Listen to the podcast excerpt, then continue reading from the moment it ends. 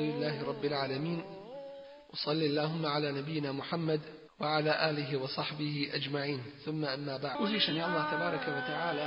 u svojoj posljednjoj objavi بوصلة Kerimu koju je poslao svome najodabranijem poslaniku Muhammedu sallallahu ve koji je došao kao pečat svih vjerovjesnika koga je objavio u najodabranijem vremenu a to je mjesec Ramazan i to u njegovoj najboljoj noći, a to je Lejletul Qadr, daje nam upute i smjernice za naš život do sunnjega dana. Tako da nijedno pitanje od svega onoga što je potrebno ljudima i čovječanstvu u životu na ovome svijetu nije ostavljeno niti prepušteno. Nije ostavljeno slučaju. Već imamo za sve dokaz.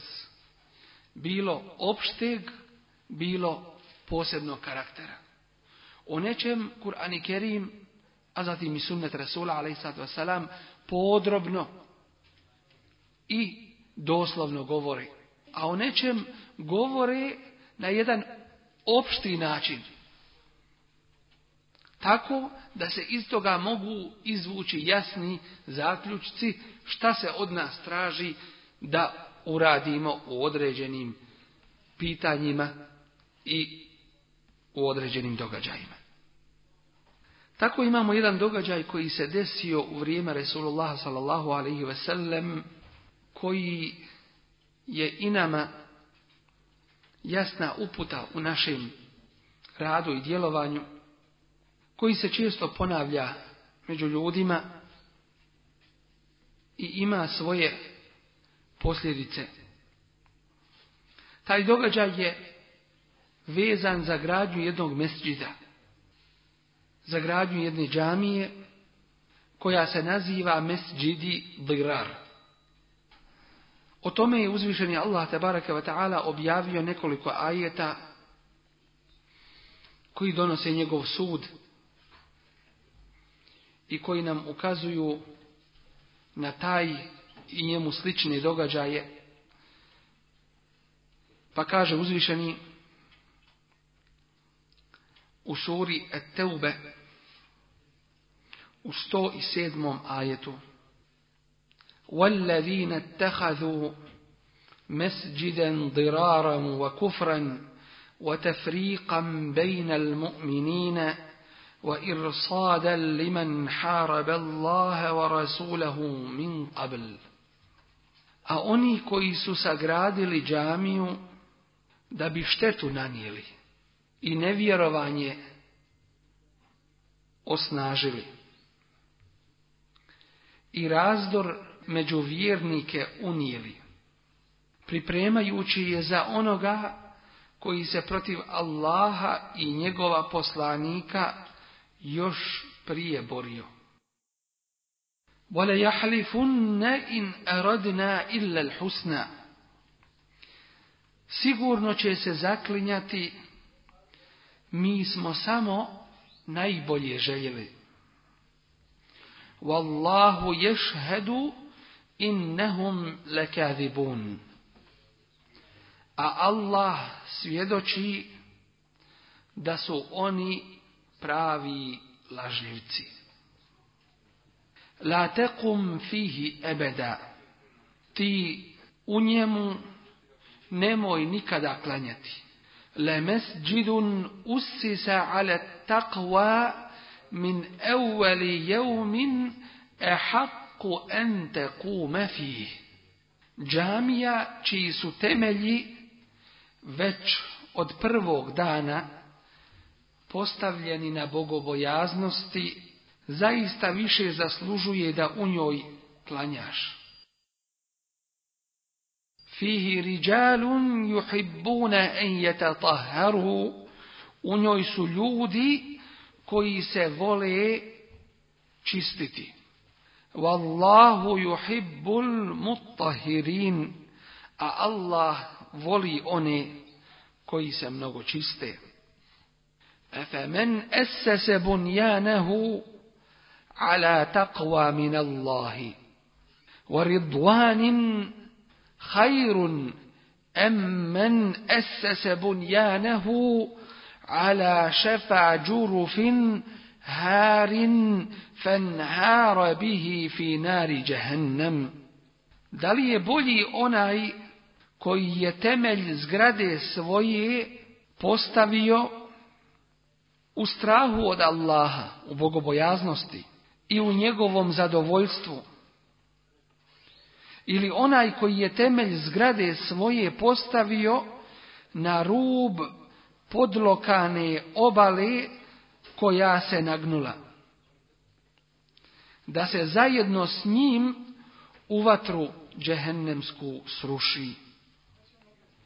Wallahu la jahdil qawme zalimin a Allah ne upućuje narod koji nepravdu čini. La jezalu bunjanuhum allazi benevu ribatan fi kulubihim illa en taqatta'a kulubuhum wallahu alimun hakim. Zgrada koju su oni sagradili stalno će unositi nemir u srca njihova sve dok im srca ne popucaju, dok im smrt ne dođe. A Allah sve zna i mudar je.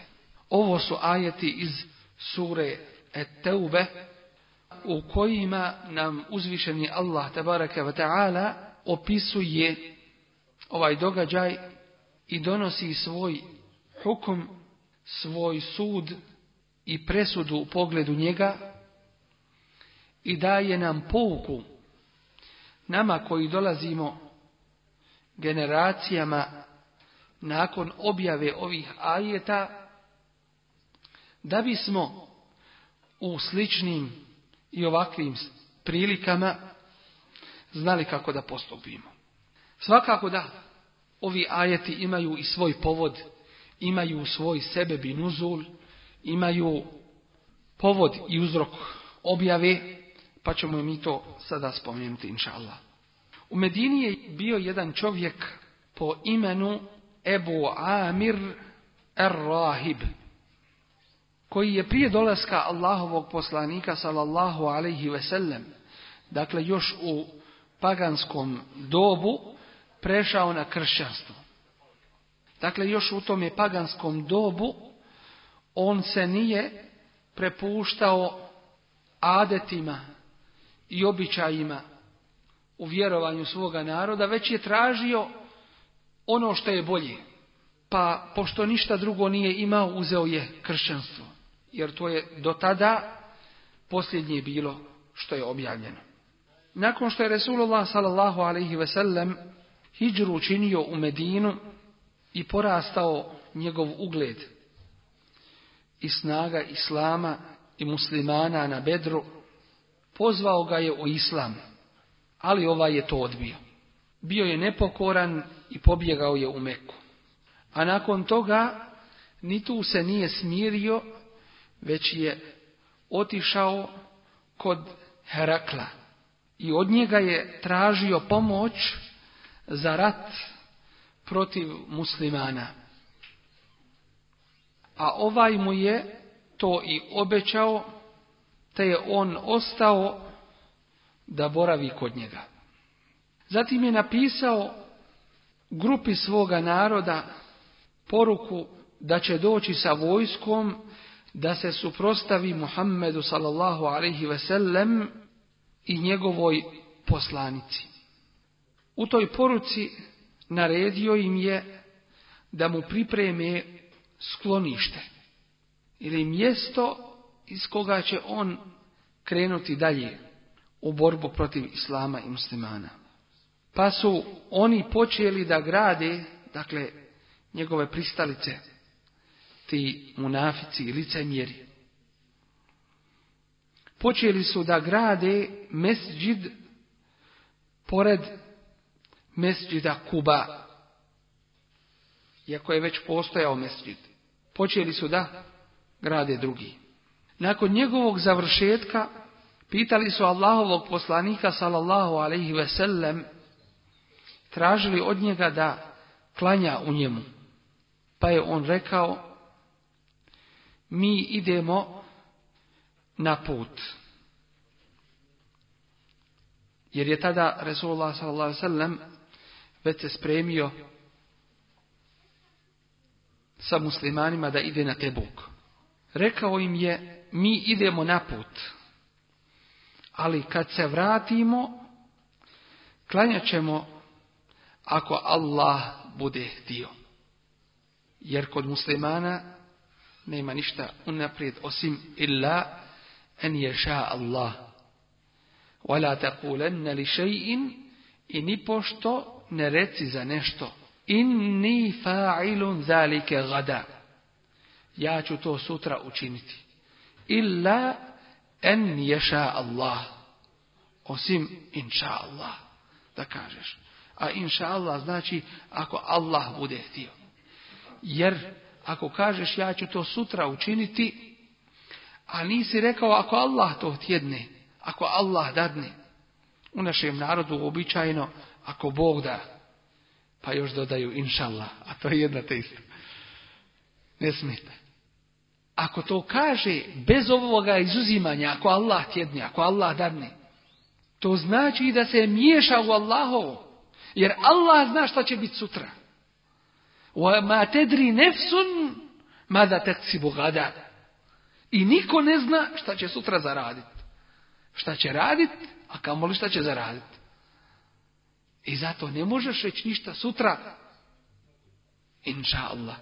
Osim inša Allah. Za jednog se spominje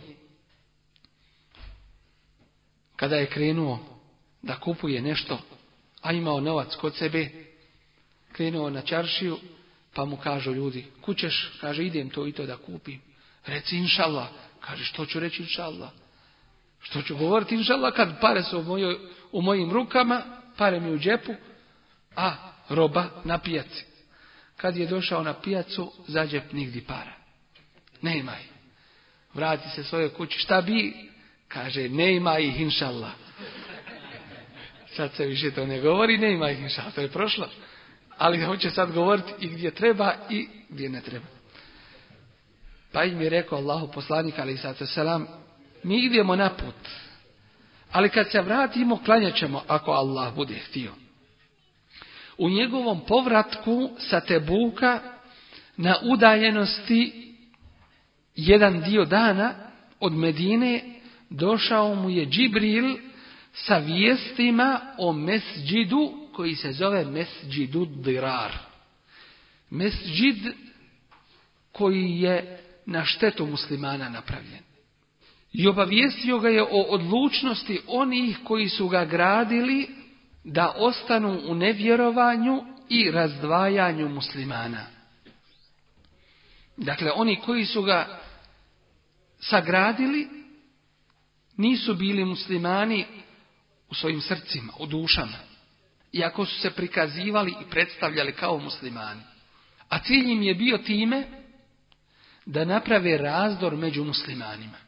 Melek, Džibril, Allahov izaslanik, dolazi da obavijesti Allahovog poslanika Muhammeda sallallahu alaihi o ovome. Ko je mogao ovo znati? Osim uzvišeni Allah tabaraka wa ta'ala koji zna tajne svih srca. Koji zna ono što kriju svačija prsa. I ne dozvoljava da se ovakva podvala i prevara učini njegovom Resulu Muhammedu sallallahu alaihi ve sellem, a vahi Allahova objava još uvijek dolazi. Iz ovoga vidimo isto tako koliko su se munafici okuražili. Ili da prevedemo na moderni koliko su se osjetili sigurnim i bezbjednim. Pa zar nisu bili svjesni da ono što oni kriju, da Allah to vidi, da Allah to zna i prati i da može obavijestiti svoga Rasula, ali i o tome što oni rade? Jok. Već oni u tome svome nevjerovanju toliko su se zanijeli da su sve zaboravili drugo. Ne vjeruju. Kažu da su muslimani, ali u biti nisu muslimani, a Allah zna njihova srca. Kada bi se nama ovakva situacija slična desila danas, šta bismo mi uradili? Ne imamo vahja novog da nam dolazi. Ne ima novih Allahovih poslanika. Ali imamo vahaj koji je već tišao, koji je upotpunjen, kome ne treba više ništa dodatno da se objavi u kome nema ni viška ni manjka. I kada se desi bilo kakav događaj, ne možemo mi očekivati da nešto usnijemo. Ili da nam se nešto iz neba spusti novo. Već ćemo sve to što se dešava među ljudima donijeti da tome presudi Allahova riječ. Kur'an i Kerim. I Resul sallallahu alaihi ve sellem kroz svoju praksu njegov sunnet. I zato danas glavno mjerilo ispravnosti nečega ili neispravnosti nečega šta može biti? Može biti Kur'an i može biti sunnet Rasula ali Jer drugom, na drugi način ti otvoriš džamiju negdje, a ljudi ti kažu nije to ispravno. Što nije ispravno? Nisi ti to sa srca uradio. Pa otkud vi znate jesam li sa srca ili nisam? To može Allah samo reći. A onaj ko ljudima sudi danas ovdje jeste Allahova riječ koja se ne mijenja. Ako ima u toj džami nešto neispravno, ako ima nešto što nije u redu, to treba da se ispravi. Ali ne može niko reći o bilo čemu zato što ti nisi imao lijepe namjere. To jedino Allah te baraka ta'ala zna namjere. Ali, to ne znači da mi nemamo nikakvih propisa. Da može raditi ko šta hoće, pa da onda kažemo, pa ne znamo šta je on time mislio. Neki je on najbolje mislio. Mi gledamo je to što je uradio ispravno ili je neispravno. I donosimo sud o tome na osnovu Kur'ana i na osnovu sunneta. Resulullah sallallahu alaihi sallam poslao je ljude da sruše taj mesđid prije njegovog dolaska u Medinu. Pa je uzvišeni Allah objavio La takum fihi ebeda. Nipošto, nikada u njemu namaz nemoj klanjati. Dakle, gleda se i u kakvom si društvu jer imaš mjesta gdje ćeš doći i klanjati i od svog namaza ništa drugo nećeš imati osim jedan veliki umor. Nećeš osjet onog ruha, nijeta i ljepote. Zašto? Vratimo se na osnove.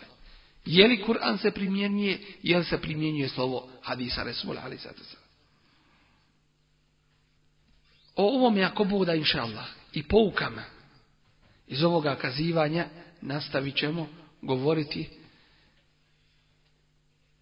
u sljedećih nekoliko kazivanja, tako da bismo vrlo jasno vidjeli sa Allahovom te wa ta'ala pomoći na šta nam ukazuju ovi ajeti, koje pouke iz njih crpimo i šta se sve radi protiv ove vjere i kako se zaštititi od toga.